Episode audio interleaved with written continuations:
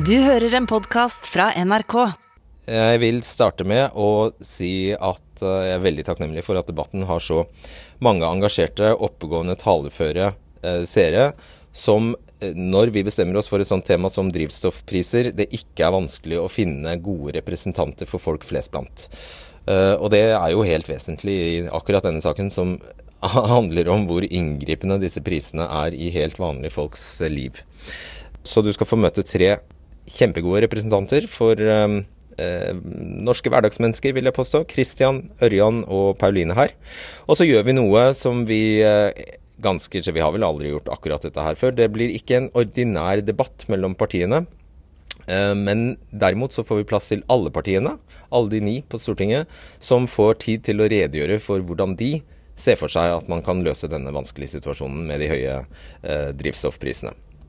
Ganske tidkrevende å samle inn disse punktene, få partiene i det hele tatt til å eh, egentlig formulere politikk på et område de kanskje ikke er ferdig tenkt. Det er jo egentlig ingen som er ferdig tenkt eh, på dette her, så det, har det var litt, eh, det litt trælete. Og så tror jeg også at jeg skal være ærlig og si at det er ikke heller alle, slettes ikke alle politikere, og langt ifra alle rådgivere som er like politiske rådgivere, som er like uh, syns det er en like god idé eh, at deres politikere skal møte eh, helt vanlige publikum ansikt til ansikt på eh, direkten. Og det kan jeg ha forståelse for, samtidig som jeg mener at det er en viktig del av, av eh, den funksjonen vi har, da. At vi til rette, kan legge til rette for det i forsvarlige former. Så det vi gjør her, er å vise hva partiene har tenkt så langt rundt det å løse den kjempevanskelige og veldig komplekse situasjonen rundt de veldig høye drivstoffprisene. Velkommen til debatten om de rekordhøye drivstoffprisene. Som altså skyldes at Putin har bestemt seg for å drepe og bombe sivile ukrainere. Og hele verden rammes av denne priseksplosjonen. Velkommen til deg, Christian Øynes. Du er eh, bilinteressert, en bilinteressert kar fra Hamar, som tilfeldigvis er nabokommunen til eh, Stange kommune, som er hjemkommunen til Trygve Slagsvold Vedum. Det stemmer, det. Og på andre juledag for et par år siden så tok du med deg dine Amcar-interesserte venner, og så kjørte du opp på gårdsplassen til Vedum og avla en visitt. Ja, vi tok en liten tur innom den, da. Og han kom ut og syntes det var artig å se sånne biler på vinterføre. Og så snakket dere litt om drivstoffpriser. Ja, han spurte jo det. og Det er ikke dyrt å kjøre slik, da. Jo, sier jeg, det koster penger, det gjør det. Men eh, det er bare slik det er.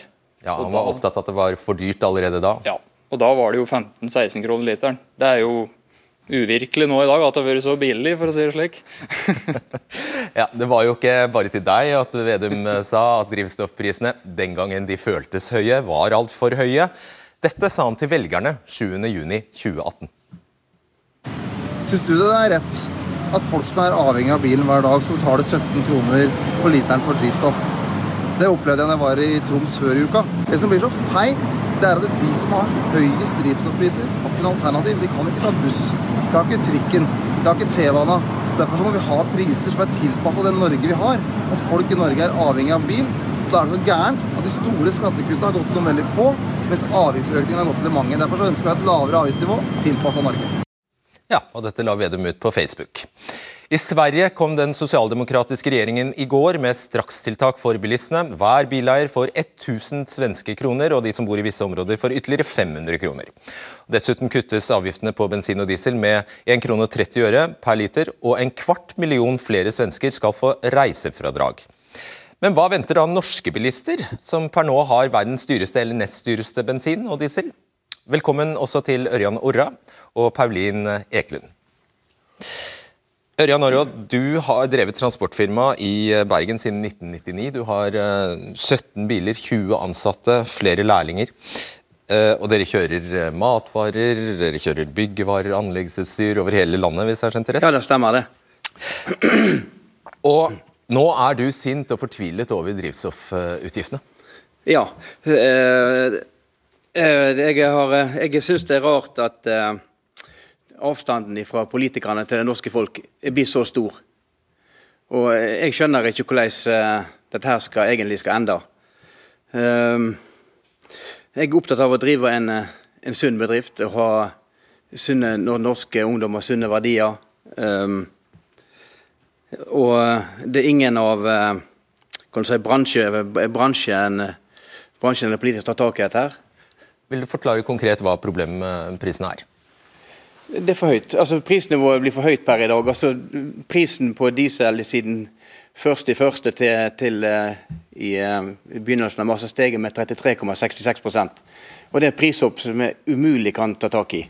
Vi får ikke muligheten til å ta inn den prisøkningen. Og Hva blir uh, utfallet av det? Nei, utfallet blir at vi tar den delen av den potten sjøl. For greit, Vi har hatt 8 til prisøkning fra i, i januar. Vi, men allerede i januar så, så vi jo at den var spist opp. Så i mars eh, tok vi grep og, og innførte eh, oljetillegg på prisene. Men eh, som da vi fakturerer kundene, som kundene igjen må fakturere sine kunder, som til slutt går til vanlig husholdning. Ja, for det er vanlige folk som til slutt får denne regningen. Ja, det stemmer. Jeg har skjønt at uh, altså for deg så Marginene forsvinner jo her, og det skjønner alle. Det kan ja. gå ut over både lærlingene og kanskje må du permittere. Ja. Altså, jeg vil tro at uh, driftsmarginen på norske transportselskap i dag ligger vel på rundt 4% Som uh, bare med litt økte dieselkostnader, så er det, det er ikke lønnsomt å drive transport i Norge i dag. Nettopp. Ja, du er, eh, du er vanlig forbrukeres eh, talsperson her i kveld. Du, Perlin Ekelund, du bor i Sandnes og har tre barn. Du har en fast rutine når du våkner her. Skjønt. Hva er den? Det har jeg. Det første selvfølgelig så går jeg inn og sjekker nyhetene og ser hva som har skjedd i Europa. Men det andre jeg gjør, er å gå inn og sjekke bensinprisen. Og Det siste jeg gjør når jeg går og legger meg, er å bekymre meg over om mine barn har tatt opp temperaturen på rommet sitt. Og Dette er eh, rett konkret. Det blir et kaldt klima i hjemmet sant? med et nytt regime, der barna får dusje kortere tid. Um, og vi, ha, vi, kan ikke ha noen høye temperaturer. Og sånn, I forhold til fritidsinteresser og sånne ting, har man tre barn, så har det fritidsaktiviteter. Og ja, mye kan man samkjøre, men ikke til alle aktivitetene pga. distanse og diverse. Ehm, så denne følelsen av glede som tidligere har vært til å kjøre barn til fritidsinteresse, den har blitt erstattet med litt sånn vond magefølelse. Så vi skal legge til at barna dine er 5, 11 og 16 år, og du er alene med dem? Det stemmer. Vil du forklare oss hvor stort innhogg disse vanvittige strøm- og drivstoffprisene har gjort i ditt budsjett? Ja, det har gjort en veldig stor, eh, stort inngrep, egentlig. For jeg har alltid hatt et sunt forhold til økonomien. Ehm, men nå har jeg så sunt som jeg kan ha det. Vi lever litt sånn i unntakstilstand. Som tidligere så har jeg spart sparepenger til barna mine, men det kan jeg ikke gjøre lenger. Eh, søndagsturen for å gå en tur, eh, den har vi eh, Ja, det gjør vi ikke lenger. Så alle de små gledene i hverdagen, det, det har vi rett og slett ikke råd til. Dette budskapet skal dere nå få formidle til de politikerne som på rekke og rad skal komme inn i dette studio og presentere sine løsninger på denne akutte situasjonen. Og jeg vet alle, alle dere har sterke formeninger om hva som må til. Og dere skal egentlig tegne, tegne dere når dere hører noe dere syns er interessant, eller noe dere reagerer på. Førstemann ut er deg, Sigbjørn eh, Gjelsvik. Skal bare legge til før du slipper til, at vi hadde jo håpet da, at statsminister Støre eller eh, finansminister eh, Vedum kunne være med oss eh, i kveld. og vi hadde vi hadde tilbudt dem å være med fra Klekken hotell, der de er i budsjettkonferanse. Vi hadde fotograf der, men svaret var nei. Og Litt av årsaken til at det hadde vært interessant å høre dem, er jo at de to i det første statsbudsjettet sitt i fjor innfridde egne valgløfter og gjorde bensin og diesel om lag ja, 30 øre billigere. Så hva sier de nå? Det skulle vi gjerne ha fått svar på.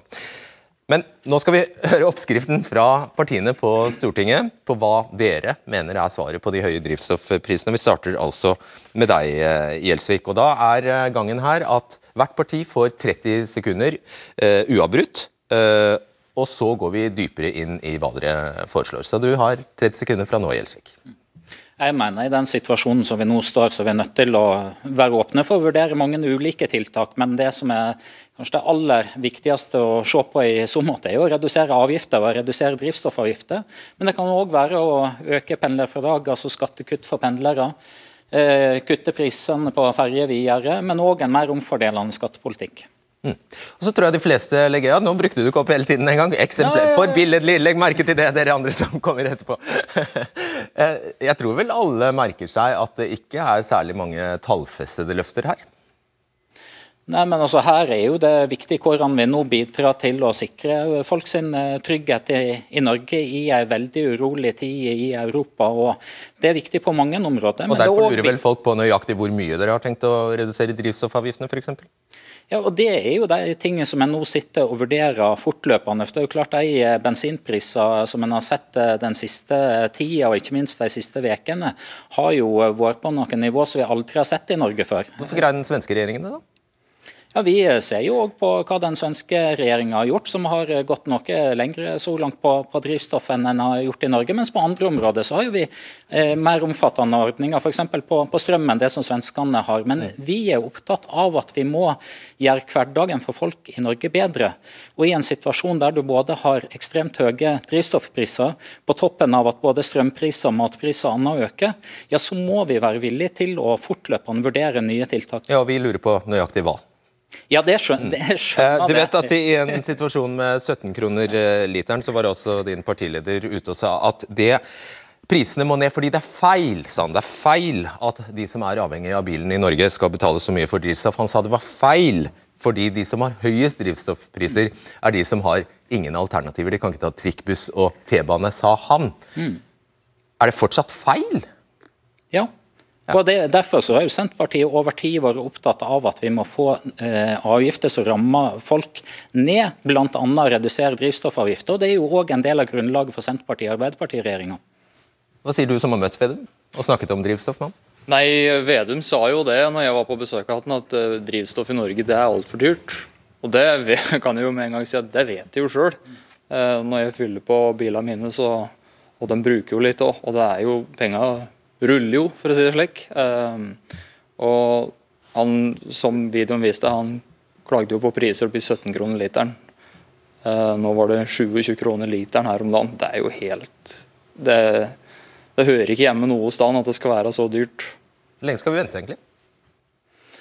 Nå eh, er jo prisene blitt eh, vanvittig høye i Norge. Jeg er helt eh, enig med deg. og Det er jo derfor Senterpartiet over tid òg har vært opptatt av ja, at vi Hvor lenge skal vi vente på svaret fra dere? Jo, men, men altså nå har altså krigen i Ukraina har vart i tre uker, og med store konsekvenser. Regjeringa sitter på mange ulike områder og jobber med å både ivareta tryggheten til folk i Norge, mottak av flyktninger på mange ulike ting, men vi er òg opptatt av å sikre økonomien til både folk og næringsdrivende. Derfor så vurderer vi fortløpende den situasjonen som, som er pågående, og som er veldig skjønner. Er, som, som eh, rammer, jeg, jeg, skjønner veldig ja, godt det historien. Ja. Vi, ja, ja det, eh, vi skal avrunde nå. Du skal bare få med deg en faksimile fra din, eh, en annen partikollega av deg, og det er parlamentarisk leder Marit Arnstad, som ja, dette er vel et års tid siden, at hun fremmet et bensin ultimatum og sa at Senterpartiet kan ikke sitte i regjering hvis prisen ble over 20 kroner. Husker du det? Er ikke det flaut å tenke på nå?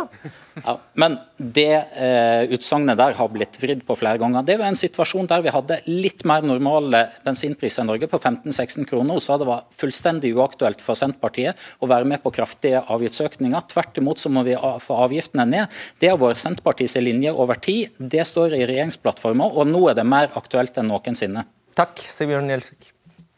Neste mann ut da er eh, Hans Andreas Limi, som er stortingsrepresentant for Fremskrittspartiet. Det samme gjelder eh, deg, Limi. Du har 30 sekunder fra nå.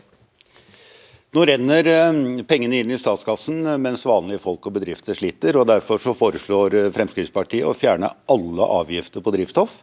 Det vil redusere pumpeprisen på bensin med 8 kroner per liter, og på diesel med 7 kroner per liter. I tillegg så vil vi også foreslå at uh, moms på drivstoff uh, reduseres eller fjernes hvis det skyhøye prisnivået fortsetter eller sågar øker. Ja. Eksemplarisk her også, må si det, Limi. Eh, alle avgiftene på bensin og diesel skal fjernes. Hvor mye taper statskassen på det?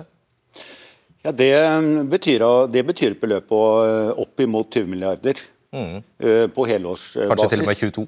Men eh, det kan være, men så skal man ikke glemme det at nå har den norske stat vanvittig høye inntekter Uh, og Dette er ikke noe som har kommet akkurat nå, det har eskalert, men vi så det allerede i fjor høst.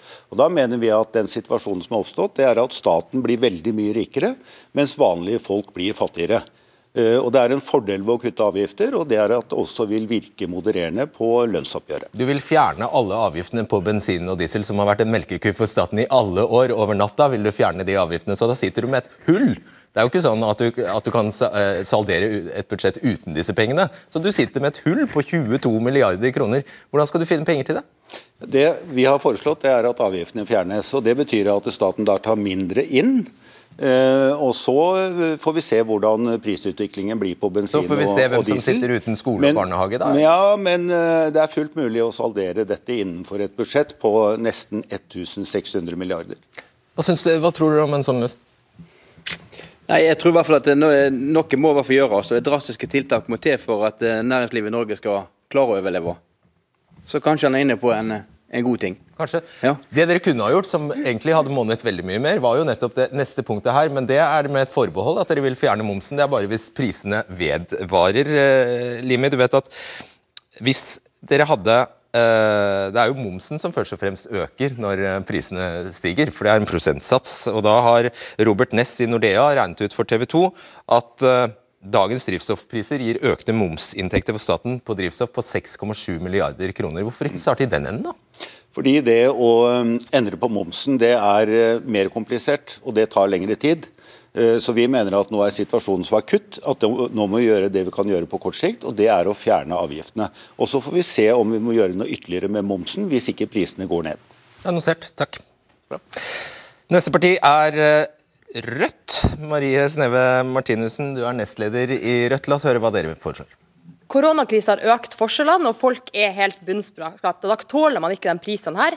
Rødt vil ha differensierte drivstoffavgifter som skiller mellom by og bygd, sånn at vi kan ha en rettferdig miljøpolitikk. Og Der forventer vi at regjeringa leverer som de har lovt.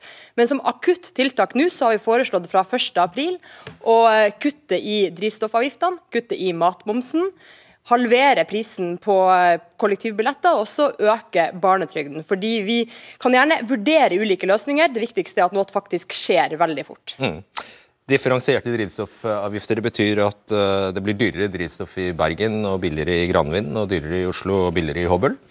Det betyr at det er forskjell på å bo et sted der det er lett å ta T-banen, sånn som der jeg bor nå, og bo et sted der det ikke er eh, verken T-bane eller særlig mange busser, som er der jeg kommer ifra. Og Det er jo også noe som regjeringa har gått inn for i sin Hurdalsplattform. og Derfor jeg sier det først, fordi at jeg forventer at man leverer på det kravet. fordi det trenger vi hvis vi skal kunne ha en rettferdig miljøpolitikk, der vi tar hensyn til at Norge er et veldig forskjellig land. Og Så ser det jo kanskje flott ut å kutte i veibruksavgiften i tre, tre måneder. Da snakker vi om til juni, da egentlig. Ja, det er jo fordi det kommer et revidert budsjett i juni. Så vi tenker at dette er det akutte du må gjøre, før regjeringa tydeligvis har tenkt å forhåpentligvis legge fram noe i juni. Mm. Det jeg egentlig skulle fram til, er at det vil innebære et kutt på seks kroner på bensinen og fire kroner på dieselen. Nå er altså prisen 27 kroner, så så mye monner det ikke, faktisk. Det er jo seks kroner og fire kroner. Jeg vil påstå at eh, det monner. Det er jo sånn at eh, drivstoffprisene har økt eh, veldig mye, og jeg mener at dette er et godt sted, kanskje midt imellom FrPs kutte absolutt alle og ikke egentlig har inndekning for det, og det andre som er å ha muligens noen løsninger i framtida. Dette er en gjennomførbar handlekraftig og veldig akutt løsning på et problem som er akutt. Så i det politiske spekteret mellom Frp og regjeringen så plasserer Rødt seg midt imellom der? Er ikke det, det er der dere hjemme? Det er, bare, det er bare interessant. Eh, Perlin? Jeg forstår jo at ting er akutt nå, sant? og at det er kriser og sånne ting. Men den her langsiktigheten i forhold til å se hva budsjett har jeg fremover. Og nå spår det 40 kroner eh, literen i sommer. Og, og, og, det er klart at det, det, vil jo ikke gå i det hele tatt. Nei. Så tre måneder, ja, jättebra. Men det er jo det å kunne føle en trygghet over lengre tid. Og så også det med differensierte drivstoffavgifter. Sant? Jeg bor i Sandnes. Hadde jeg ikke hatt barn, så hadde jeg kunnet satt meg på sykkelen, for da hadde jeg hatt tid og kapasitet til det. Det er busser som går der, men det er ikke tilpasset Nei. der jeg bor. Så det blir veldig komplisert. Ja, Sandnes må vel kvalifisere som et byområde du ikke vil eh, være barmhjertig overfor? Sandnes er jo et sted der det ikke går like mye T-bane like lett å reise kollektivt som midt i Oslo, så det er åpenbart stor forskjell på å bo på Grünerløkka og på Sandnes i Sandnes. Langsiktigheten, da? Altså, det her er jo en priskrise vi har nå pga. krigen i Ukraina, der man tror at prisene kommer til å bli høye framover, men de vet ikke. Det Rødt vil at vi skal gjennomføre det her veldig raskt nå. Og så forventer vi at regjeringa kommer med noe i revidert budsjett som kan være mer bærekraftig over tid. For det er jo også sånn at alle de kuttene må man betale for, hvis man ikke skal betale for med mindre skole eller dårligere sykehus. Takk til sentrumspartiet Rødt. Takk. Hjertelig takk. Og så er det, ja det må jo være utefløypartiet, det da. Sosialistisk Venstreparti. Kari Elisabeth Kaski, velkommen til deg. Eh, vi skal merke oss her før du går i gang at eh, dere er det første partiet som altså ikke vil ha den, cirka den resepten de andre har forelagt her, nemlig målrettede, målrettet innsats overfor akkurat bilistene. Vær så god. Takk skal du ha. Vi ser jo nå konsekvensene av en politikk som egentlig har vært ført over mange år, der forskjellene har økt. Og akkurat nå så eh, er vi inne i dyrtid, hvor prisene øker både på mat, på drivstoff, på strøm. Og vi vet også at det kan bli langvarig. Derfor så mener jeg det er helt grunnleggende nå at vi kommer bort fra den der akutte krisepolitikken der vi lager egne ordninger for hvert eneste felt. Vi er nødt til å trygge folks økonomi i dag. Og det betyr å gi skattekutt til folk med lave og vanlige inntekter, styrke velferdsordningene og vurdere kontantutbetalinger til folk med, som har behov for det. Tror du om en sånn løsning? Nei, Kontantutbetaling for oss i transportbransjen, da, det hjelper ikke. Vi får ikke kjørt varene våre si fra A til B. Brød til din butikk. Frukt som du skal ha.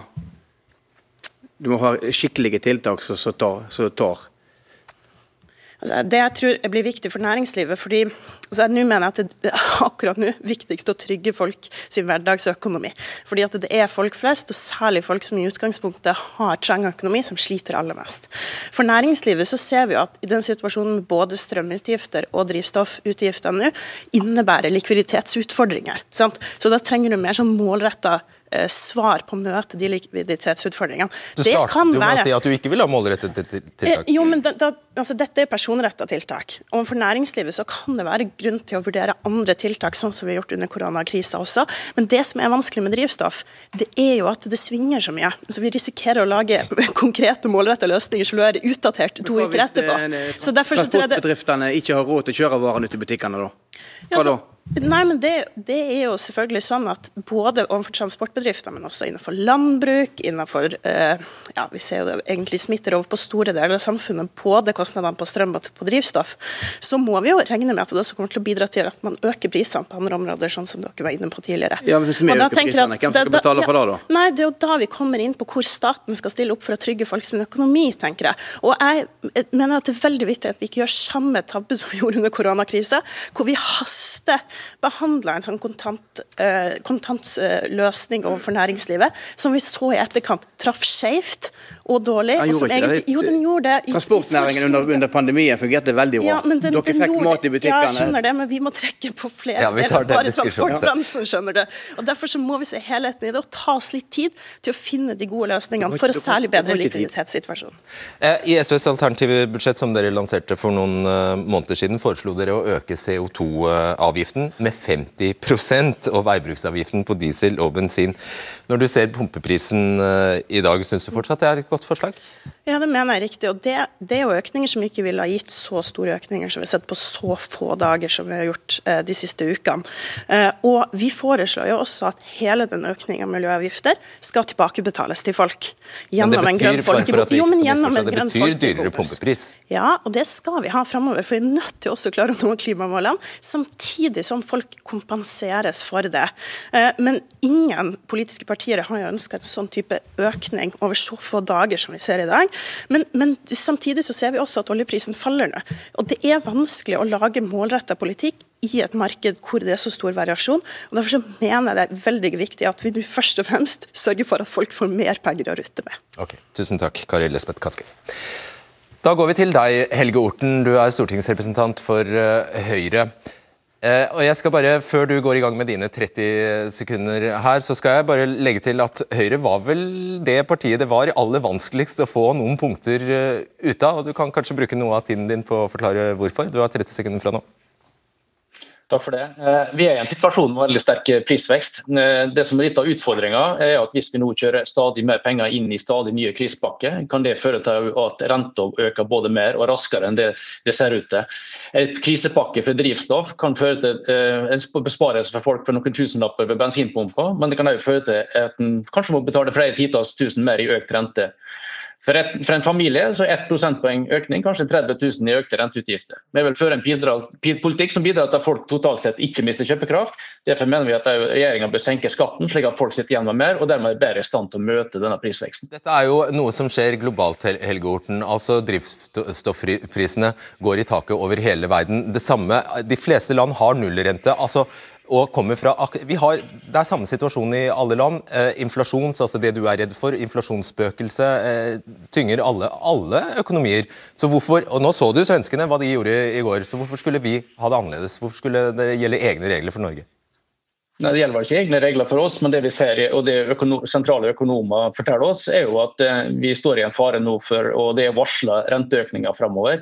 Eh, blir økonomien for oppheta, så risikerer vi at vi får ytterligere renteøkning. En renteøkning betyr faktisk enda mer for en vanlig husholdning og en vanlig familie enn det vi ser på, på økninga på bensinprisene. Så er ikke det et forsøk på å gjøre bensinprisene mindre viktig, men jeg tror vi må ha andre virkemidler. og jeg tror Det å kunne redusere skattene til folk, det å, sørge for å ta ned skattenivået til, til, en vanlig familie, gjør at du har mer å rutte med, sitter med mer av dine egne inntekter og sånn sett i bedre stand til å takle denne type prissvingninger hva sier du til det, å veksle inn dyr bensin og diesel med, litt, med skatte, skattekutt? Nei, jeg er ikke så sikker på det, gitt. Hvorfor ikke? Nei, uh, jeg syns egentlig det at man må kutte kraftig ned på de der avgiftene om dagen. Det er, det er altfor mye avgifter i drivstoff. Uh, og Det vil ikke hjelpe deg om du får noen tusenlapper i skattekutt i stedet? Jo, selvfølgelig, det vil jo hjelpe litt, men jeg, jeg, vil egentlig si det er en bedre løsning å kutte kraftig ned på avgiften. Når det gjelder avgifter, Orten, I klimameldingen som ble lagt fram av Solberg-regjeringen, går det fram at CO2-avgiften skal eh, økes jevnt og trutt fram mot 2030. Dette kjenner du jo godt til. Er dette en politikk, eh, og det vil gi økte pumpepriser, er det en politikk Høyre står ved? Det er det fram mot 2030. og så er det sånn at eh, Nå er eh, oljeprisen og for så vidt bensin- og dieselprisen veldig høy. Så vi må jo se på innfasning av den CO2-avgiften. Det er jo ett tiltak. Det, nå er, diskuterer vi òg eh, avgiftslettelser og avgiftsreduksjoner. Jeg tenker at Eh, i en situasjon hvis dagens oljepris vedvarer, så er jo en midlertidig reduksjon i avgifter noe vi kan diskutere og noe vi må, må se nærmere på. Jeg vil jo si at eh, oppfordrer regjeringspartiene og for så vidt andre partier på Stortinget til å sette oss ned sammen i å prøve å finne en, en, god løsning på dette, her, som både bidrar til å, å hjelpe næringslivet, men også husholdningene i den situasjonen som vi ser nå. Gjør det at du vil hjelpe Ørjan Ora? Helt konkret? Ja, altså, Poenget er at det, det, er jo hovedvirkemidlet sånn som jeg ser det, det er jo at en skal få sitte igjen med mer av inntektene sine, slik at en i større grad er i stand til å, til å, å håndtere denne type prissvingninger. Men samtidig så tenker jeg at det er fornuftig nå at vi i fellesskap på Stortinget sammen med regjeringa setter oss ned og ser på er det behov for en midlertidig pris, eller unnskyld, avgiftsreduksjon f.eks. hvis vi ser en vedvarende høy, høy uh, oljepris. Nå er det jo heldigvis sånn at Oljeprisen har gått litt ned, da, og, og det er jo positivt oppi det hele. Så får jeg bare håpe at den fortsetter nedover, slik at vi får en mer alminnelig, normale prisnivå. Får, vi får takke for stikkordet, Helge Orten. Takk skal du ha. For Det pleide å være sånn at dieselbiler var dyrere i innkjøp, men billigere i drift. Husker dere det? I hvert fall inntil, ja, i hvert fall inntil politikerne fant ut at uh, diesel er jo skadelig for luftkvaliteten, men det er egentlig en helt annen historie.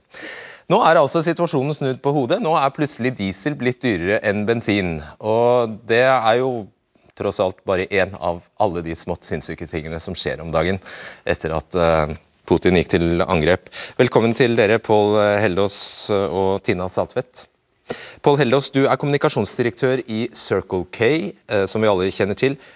Vil du forklare oss hva som skjer på veien fra Nordsjøen og til pumpa? Ja, eh, det er jo sånn at Man har et råoljemarked. Råolje er en råvare som brukes til å lage bensin og diesel. Og Det er eh, prisfall akkurat nå på råolje, og så spør folk oss eh, ja, faller bensinprisen tilsvarende. Men bensin- og dieselmarkedet er jo et ferdigvaremarked, det er et eget marked. og Nå er det lite bensin og diesel tilgjengelig, og mange som vil ha det som er der. og Da faller ikke prisene parallelt med oljeprisen. Så det er indirekte sammenhenger. Ehm, men råoljen pumpes opp av havet, raffineres på eh, raffinerier, transporteres ut til kunden. og Det er veldig mye kostnader knyttet eh, til det. Så av og til når folk spør hvor godt sitter drivstoffselskapene i det når, når, prisene er høye, så er jo situasjonen at vi stort sett bruker den andelen vi tar på pumpa til å dekke kostnader. Og så vil jeg gjerne si at Det er ikke hyggelig å høre hvordan kundene har det akkurat nå. Vi skulle ønske at vi konkurrerte med de andre selskapene på et helt annet nivå om den lille andelen som drivstoffselskapene tar. Ja, du, Kunne vi ikke bare ha kjørt uh, tankbilene direkte til Mongstad, som er et, egentlig Norges eneste gjenværende raffineri, oljeraffineri, har jeg skjønt? Kunne vi ikke bare kjørt tankbilene direkt, uh, rett dit? Ja, Det er nesten som du kunne ro ut i Nordsjøen og hente oljen opp selv, så hadde det blitt billig. Men altså, sammenhengene er komplekse. Det er et internasjonalt marked. Prissettingen er, er internasjonal. Så uh, dessverre, det er, ikke, det er, ikke, så enkelt. Vi har uh, dyre uh, innkjøpspriser til alle bensinstasjonene nå pga. den utviklingen som skjer i verden, og det får ikke vi gjort noe med. I en normalsituasjon dere, så er det omtrent som dere liker å framstille det. altså dette, Hvis hele kaka her er den totale pumpeprisen, så går 60 i avgifter til staten. Dere betaler 30% for å kjøpe inn selve drivstoffet, og så har dere en 10% margin. Er det sånn å forstå? Ja, og når jeg ser Det bildet, så det er jo 90% som vi ikke har noen innflytelse over. og så Innenfor de 10 skal vi dekke alle kostnadene våre. og så Den lille 10 der, det, det betyr jo også at eh, til de som eh, kjefter på de stakkarene som står på bensinstasjonen nå fordi det er høye priser der. Altså, det er ikke de på bensinstasjonen som er ansvarlig for det, så vær så snill å ta pent på dem. og Det gjelder uansett om du jobber på Circle K eller en av de andre kjedene. Så. La det gå utover Putin, ikke Circle K? Altså. Helst det. Greit, vi, vi, skjønner det. Tina Saltvedt, du er altså sjefanalytiker i Nordea. Hvis vi går tilbake til den grafen vi først så her. Eh, det er helt sjeldent, og det har ikke skjedd før at diesel er dyrere enn bensin. Nei, det skjer ikke så veldig ofte. Og vi er jo i en veldig spesiell situasjon nå. Oljeprisen den har jo vært veldig lav. Den falt jo, eh, kollapset jo rett og slett i 2020, da koronakrisen kom. Eh, og det var fordi at eh, vi ble sittende inne, vi fløy mindre, vi kjørte mindre bil. Og da var det mye olje tilgjengelig i markedet. Og Her ser vi grafen over utviklingen i oljeprisen, og vi ser nå at den er på rekorder. Er det 130 dollar fatet ca.? Den var oppe på 130 for ca. en uke siden, og nå er den nede på rundt 100. Så det er store bevegelser i markedet. Og det som har skjedd i løpet av eh, siste halvåret, det er jo mye at etter hvert som økonomiene åpner opp igjen, så trenger man mer energi, bl.a. olje. Så har oljeetterspørselen økt mer enn det man har økt produksjonen. og Der har jo OPEC-kartellet, sammen med, eller denne OPEC-samarbeidet sammen med da Russland, de har holdt litt igjen. De har vært litt forsiktige med å øke produksjonen, sånn at det har vært eh, nesten lite olje tilgjengelig i markedet, og da stiger jo også oljeprisen. Men er det manko på olje i verden, da? Det er ikke manko på olje, men det hun er redd for, det er jo at når det er lave lagre, det er lite ekstra tilgjengelig, hva skjer da hvis det skjer noe med en stor leverandør som Russland? Russland er en av verdens største produsenter og eksportører til verdensmarkedet, og spesielt til Europa.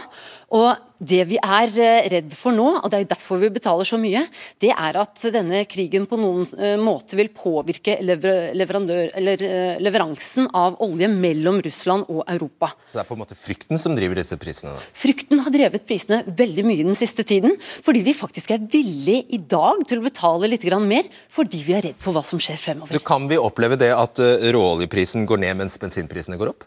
Ja, det kan vi. fordi at vi skal huske på litt lengre sikt så er det jo råoljeprisen som setter retningen. Men det kan være forskjeller i lagre, det kan være forskjeller hvor mye man sitter med av altså Kjøpte man inn råolje til 130 dollar fatet, jo så må man jo lage det om til produkter og selge ut de produktene før man kjøper inn mer. Så eh, på kort sikt så kan det avvike noe, på lengre sikt så er det, beveger de seg ganske likt. Da skal vi avrunde med et spørsmål jeg tror alle lurer på. Hvordan kan det ha seg at det er sånn mange kroner forskjell mellom bensinstasjonene i et lite land som Norge? Hvordan er det mulig? Ja, Det er snakk om lokale priskriger. Der, altså, bensin og diesel oppfattes veldig likt mellom kjedene. og Derfor så er pris omtrent det eneste man kan konkurrere om. og Derfor så ligger vi hele tiden og, og underbyr naboen. Eh, bensinstasjonsdriverne kjører rundt, sykler rundt, eh, sjekker priser, og så kriger vi prisene ned. Og så er det sånn at Noen steder så eh, kriges det hele tiden, andre steder så ligger det oppsiktsvekkende stille. Det varierer fra mikromarked til mikromarked. Da har vi fått oppklart det mysteriet. takk for at dere kom og opplyste oss. Tusen takk, Heldås og Saltvedt. Jeg tror bare vi skal eh, fortsette med partiene, og neste kvinne ut er Une Bastholm fra Miljøpartiet De Grønne. Eh, skal også merke oss her at dere ikke er så veldig oppsatt på veldig sånne konkrete eh, krisepakker. Du har 30 sekunder fra nå. Og ikke inn mot bensin spesifikt. Altså, nå eh, lever vi i en tid hvor en del basisvarer er blitt dyrere, også matvarer og strøm, og det gjelder jo Norge og i verden. Eh, det aller, aller viktigste vi må sørge for da, er at når det rammer dem som har minst, aller mest fra før, så må vi sikre en sosial omfordeling. Det viktigste virkemidlet vi har eh, for å gjøre noe med det, er inntektsskatten. Så vi må kutte skatten til dem som har vanlige inntekter, og aller mest til dem som har minst. Og så mener jeg at vi må styrke en del eh, sosiale ordninger, som f.eks. Eh, tillegget til enslige forsørgere i barnetrygden. Ja, uh, Uten at det hjelper en som eier 17 lastebiler, antagelig? Mer barnetrygd? Og jeg synes jo, uh, Du er godt inne på det, at dette vil jo etter hvert også uh, ramme forbrukerne. ikke sant? Og Det er det vi er inne i nå. Du står i førstelinjetjenesten, du merker det i, i, i prisen og i, måte, i budsjettet, regnskapet ditt. Uh, men det her vil etter hvert gå utover forbrukerne. Så det her rammer hele norsk økonomi, og det, jeg vil si det rammer hele verden. Så Derfor er vi nødt til å være klok og satse på langsiktige løsninger som, som vi vet at vil være der over tid, og som vi vet fordeler godt. fordi det her rammer noen aller aller mest. Og Vi mener jo at eh, det er en helt feil tidspunkt nå å øke miljøavgiftene, men også et helt feil tidspunkt å kutte dem ut. Vi vil jo heller dele ut eh, de eh, deler av de inntektene fra miljøavgiftene nå gjennom en klimabelønningsordning. og høy pris nettopp å endre atferd? Har ikke dere drømmescenario foran dere? Nei, på ingen måte. Fordi øh, kanskje noen nå som har penger til å legge om hverdagen sin. Noen vil jo kunne hoppe på sykkelen, en del lever sånn i Norge. Uh, en del har veldig god råd og setter seg inn i bensin-dieselbilen uansett. Noen vil ha råd til å bytte om til elbil, men det hadde vært mye bedre for den grønne omstillinga om det her hadde skjedd gradvis og forutsigbart. Sånn at man visste f.eks. at når jeg skal bytte ut bilen om et par år, da kjøper jeg elbil, for at de ser at politikerne eh, kommer til å være opptatt av. Eh, har du, Paul, har du, for eksempel, har du noen mulighet til å justere eh, bilbruken din, f.eks.? Jeg har redusert den så mm. godt det går, og jeg kjøpte en, en ny bruktbil i fjor. Og så vurderte jeg hvordan, hva som ville passe best for min økonomi. Og Da landet jeg på en hybridbil, en bruktbil. Eh, men, men, det har ikke lønnet seg. Men det vil ikke lønne seg nå heller til å bytte til en elbil, for det har jeg ikke råd til. Um, så jeg gjør det jeg kan uh, ut fra mine forutsetninger. Mm. Mm. Altså, vi har i mange år foreslått en del enkelttiltak. Vi er ganske opptatt av at den grønne omstillinga skal gå fortere. Så F.eks. støtte til leasing av elbil er et tiltak som vi foreslår gjennom Husbanken. som vil gjelde, jeg vet ikke om det vil gjelde, men det vil gjelde for en del familier eh, som har dårlig råd og har ansvar for barn. Hjertelig takk, Une Basse. Og Da går vi videre til Kristelig Folk... Eh, det gjør vi ikke. Venstre. Eh, Sveinung Rotevatn, velkommen eh, til deg. Eh, lista di er kort. Du har 30 sekunder. Ja, takk for det.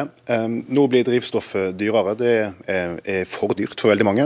Men det er ikke bare drivstoff som blir dyrere. Strømmen er også dyr. Maten er i ferd med å bli dyrere. Renta kommer til å gå opp. Mange ting kommer til å bli dyrt. Og Den fornuftige løsninga da, det er rett og slett å sørge for at folk får mer penger mellom hendene. Får beholde mer av lønnsinntekta si hver måned til å betale utgiftene. Det er den beste mest målretta måten å komme folk i møte på. og Derfor foreslår vi breie sosiale skattelettelser. Og altså ingen målrettede tiltak? Hvordan eh, F.eks. ikke overfor de som eier 17 lastebiler? Nei, Jeg skjønner ikke hvorfor det skal være så jækla vanskelig å finne en enkel løsning når det, når det finnes en enkel løsning på ting. Og så den, Da vil jo gagne alle hvis diesel, diesel og bensin går ned til et normalt nivå. Det vil jo hjelpe deg, det vil hjelpe mm. Altså, jeg tror vi har hørt ut fra de som har snakka før her i dag, at uh, dette er ikke så veldig enkelt. Det er mange veldig kompliserte forslag til løsninger. Det jeg foreslår er den aller enkleste løsninga. Det er enkelt for staten å senke skatten til folk. Det kan en gjøre i morgen. Da får en mer igjen på lønnsslippen neste måned.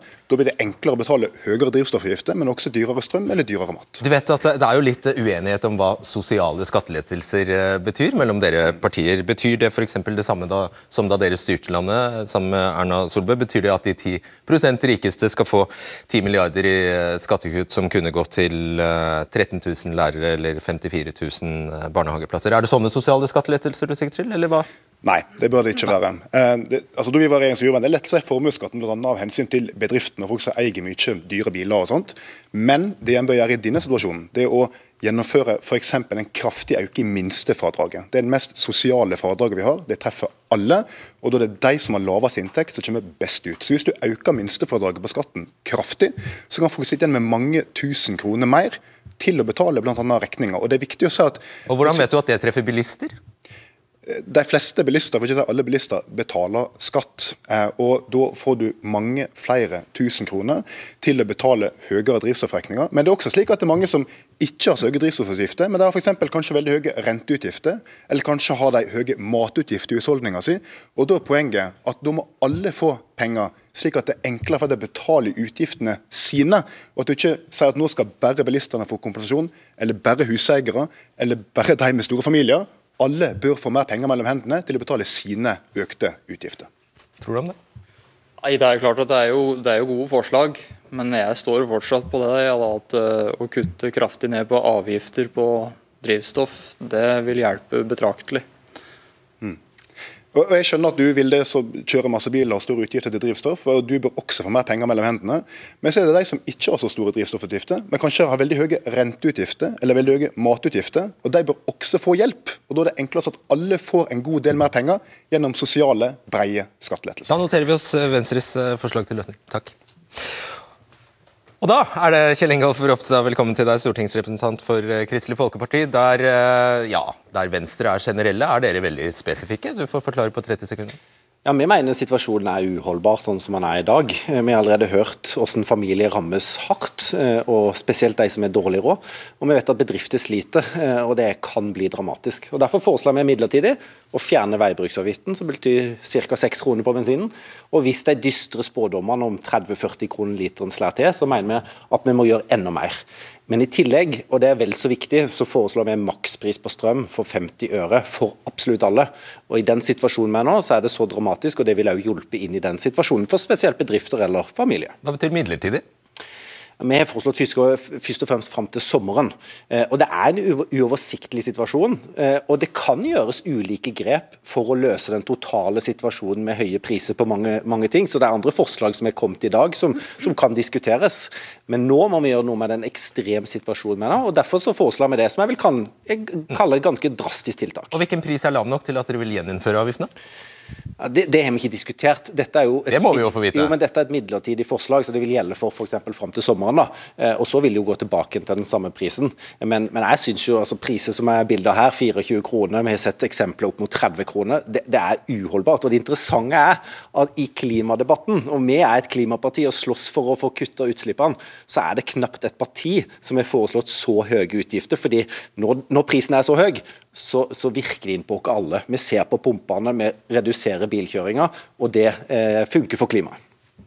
Det er veldig positivt. Det er veldig mange fine tanker og ideer og sånne ting. Og så hører jeg at det med dårlig råd. sant? Og jeg mener jo at jeg hadde en sunn økonomi før dette her, og plutselig så er jeg nå en av de som har dårlig råd. Så det, jeg tror at en stor gruppe i samfunnet som egentlig har hatt en sunn økonomi, har kommet langt ned. Ja, jeg er helt enig. Eh, og jeg tror det er Vanlige folk, er det ikke det en snakker om hele tida nå? Vanlig, vanlige folk. Altså, En bekymrer seg for matvareprisene, bekymrer for økt rente. altså Det kan slå hardt ut for mange. En bekymrer seg for hva som skal skje med bensinprisen, med strømprisene. og Det er en ekstrem situasjon akkurat nå. og Derfor så mener jeg at målretta ordninger er det beste. Fordi det, det, treffer akkurat de som bruker det. altså Jeg har hatt møte med så mange bedrifter i det siste som er veldig bekymra for sin situasjon, og igjen da om de kan ha ansatte. og Derfor så må regjeringa gjøre noe. Er det ikke, tenker ikke du også over det. Nå, nå overtok du for, for, for, Venstre her, sentrumspartiet Venstre. At to venstre, sentrumspartier tenker så fundamentalt ulikt om noe så stort og viktig som, som, dette? Ja, Sånn jeg hørte Venstre nå, så var de opptatt av generelle skattelettelser. og Det, det, det er argumentet for det. altså Det kan gi generelt folk mer penger eh, mellom hendene. Økt barnetrygd er noe vi kjemper for, som kunne vært målretta det. Men, men i en midlertidig situasjon, i en ekstrem situasjon, for vi håper jo alle at det blir bedre, krigen kan gå over og at ting kan gå ned til en mer normal situasjon, så mener jeg at det er bedre å målrette det helt, og i dette tilfellet da fjerne veibruksavgiften. Tusen takk. Og da er det bare ett parti som gjenstår, og det er Arbeiderpartiet. Velkommen, Frode Jacobsen, du er stortingsrepresentant eh, for eh, Ap. Du har 30 sekunder på deg. Takk for det. Fredrik, vi står i en veldig spesiell situasjon nå. Vi er på vei ut av pandemien, så kommer det en krig på vårt eget kontinent. Jeg skjønner, og det gjør inntrykk på meg å høre fortellingene til Pauline, Ørjan og Christian her, jeg skjønner at folk blir urolig når matvareprisene øker, når strømprisene øker, når bensinprisene øker. Det er en situasjon vi tar på alvor. For Arbeiderpartiet så er prioriteringen å løfte vanlige folk, etter at vi har hatt åtte år med Høyre hvor skattelette har vært gitt til de som har mest fra før. Tror ikke du at eh, hele landet sitter og tenker at nå har det sosialdemokratiske partiet i Sverige klart å vise besluttsomhet og handlekraft, og så sitter det norske Arbeiderpartiet på gjerdet, strengt tatt oppe på Klekken, og gir oss ikke, ingen svar? Tror du ikke de tenker det? Jeg tror eh, folk i Norge også skjønner at det er 19 dager siden Putins eh, invasjon av Ukraina. At vi trenger å se hvilke konsekvenser det gir. Vi trenger Ja, å men Prisene var jo på vei opp før det også, da. Ja, men vi trenger å vite konsekvensene av den situasjonen vi er midt oppe i, og som vi uh, utvikler seg fra, fra dag til dag. Uh, husk at vi kan ikke se på bensinprisene isolert. Vi må se på den totale bildet. Og der er, er jo det verste som kan skje, er jo hvis vi mister kontroll på økonomien. Derfor er trygg økonomisk styring veldig viktig for Arbeiderpartiet. Og derfor må vi unngå at vi får en situasjon hvor renta øker. fordi da vil Pauline, Christian Ørjan og alle vi andre som har boliglån, oppleve at de prisene vi ser på bensin, eh, vil kanskje være småtterier i forhold til hva vi opplever hvis renta øker. Skjer det noe før revidert eh, budsjett, som altså kommer i mai og får virkning fra juni ca.?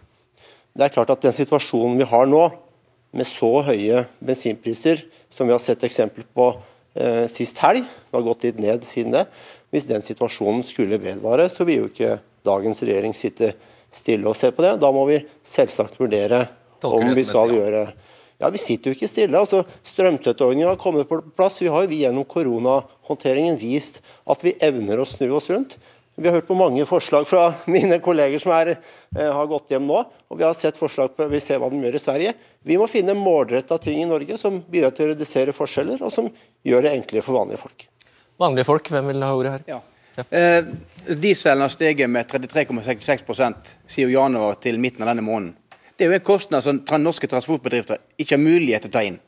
Som da vi i transportbedrifter må da sponse resten av Norge for å få matvarene fram og tilbake. Eh, hva hvis ikke matvaren kommer fram? Hva hvis vi må velge mellom hva vi skal kjøre? Hva hvis vi velger å ikke kjøre? Hva gjør dere da? Jeg tror jo at eh, norske matvarebutikker er villige til å betale hvis eh, ditt selskap Ja, også må, sier at vi da, må, ha- da vi må må ta høyere betale. Da er det vanlige folk som må betale. Ja, men vi har et system hvor regninga må betales. Eh, Vi må også passe på den offentlige pengebruken. Hvis vi mister kontroll på økonomien, Ja, så er høyere rente for næringslivet, for enslige forsørgere, for Amcar-entusiaster Høyere rente er, er det mest skadelige. Det må vi unngå. Men vi er nødt til, og vi kommer ikke til å sitte stille og se på at bensinprisene fortsetter å galoppere, sånn som Det det har det gjort nå. Men gjort til nå. Det er det som er problemet. Det er det dere har gjort til nå. Dere sitter stille og venter og ser hva som skjer. Så skal dere tyne det norske folk litt til og litt til og litt til. Det er jo det Nei. som skjer. Ok, du får avslutte. Nei, altså Det er 19 dager siden denne invasjonen. Vi er nødt til å se på konsekvensene eh, av den. Vi har vist handlekraft gjennom koronaen, gjennom strømstøtteordningen. Vi vil også gjøre det her. Men eh, vi er villige til å se på ulike ordninger. Men vi må satse målretta for at vanlige folk ikke skal bli ramma av også at strømprisene, bensinprisene og matvareprisene kommer ut av kontroll. Du skjønner at alt henger sammen med alt, og vi Det er takker for riktig, at Fredrik. Du har lært noe av Gro Harlem Brundtland, du også. Det Ja. bør vi alle ta med oss på er en det eh, dag som dette. Nettopp. Takk for at du kom, og så venter vi fortsatt i spenning. Takk for at jeg fikk komme. Og hjertelig takk eh, til dere for at dere kom. Det var debatten for denne gang. Vi er tilbake allerede på torsdag. Vi ses.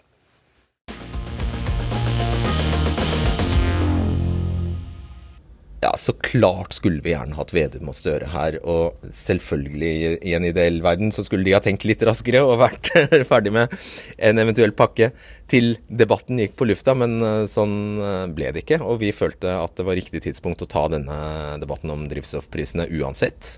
eh, Om de satt på klekken aldri så mye. Så sånn ble det denne gangen. Hvis vi skal ta Frode Jacobsen på ordet, så tar det ikke så lang tid før det kommer noe derfra. Greit. Vi går løs på et nytt tema til torsdag allerede i morgen tidlig. Eh, Så håper du henger med oss da også. Ha det bra. Du har hørt en podkast fra NRK. De nyeste episodene hører du først i appen NRK Radio.